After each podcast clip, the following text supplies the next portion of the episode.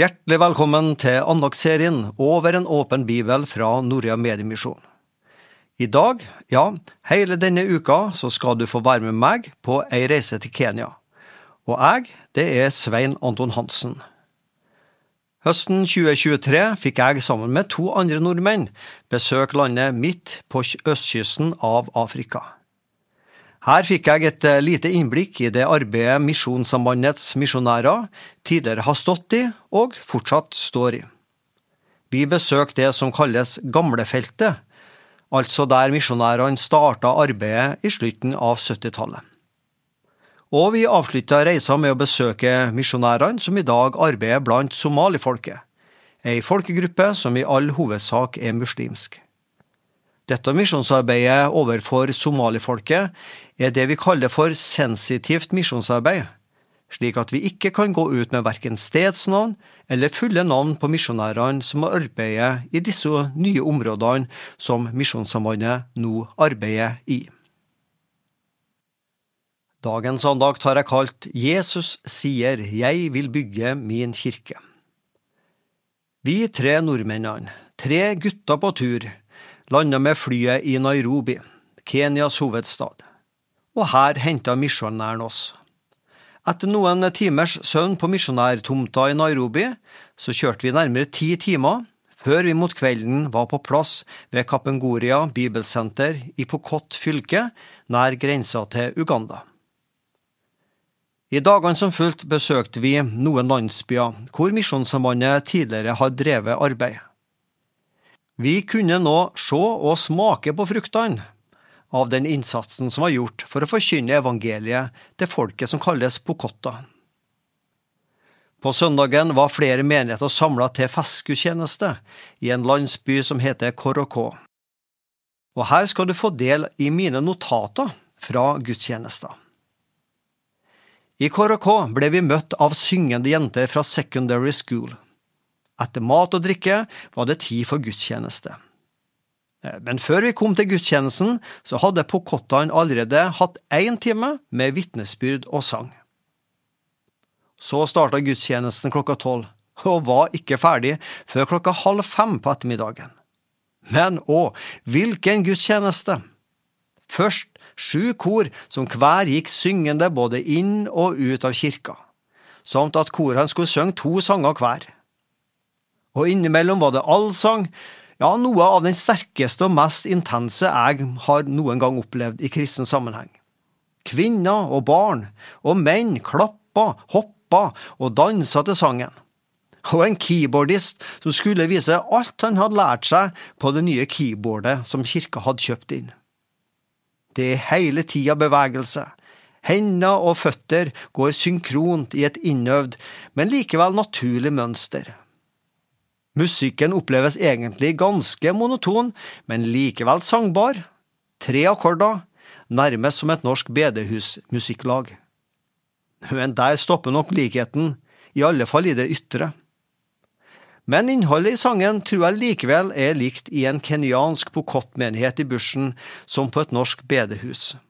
Nemlig frelsen i Jesus Kristus, gleden og takknemligheten over å være en kristen. Under allsangen tar det altså fullstendig av. Det er nærmest umulig å sitte. Her står alle. Noen hopper og danser til lovsangen. Her er ingen utenlandsk import av populære sanger, kun stedegne, egenlaga melodier. Heller ser jeg ingen sangbok.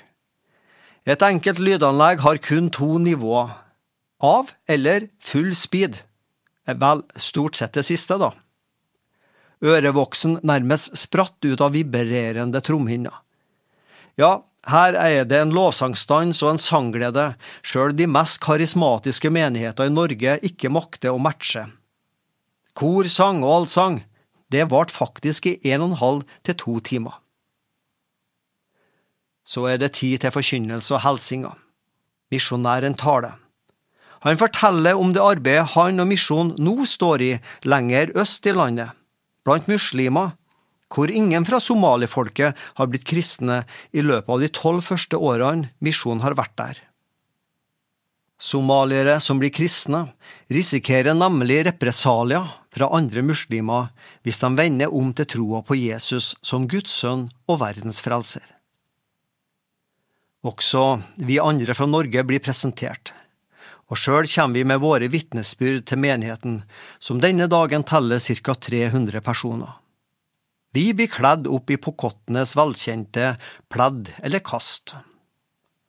Også her får vi honning til gave, men heldigvis ingen høne eller geit denne gangen, slik vi fikk ei høne i landsbyen Kassei dagen i forveien.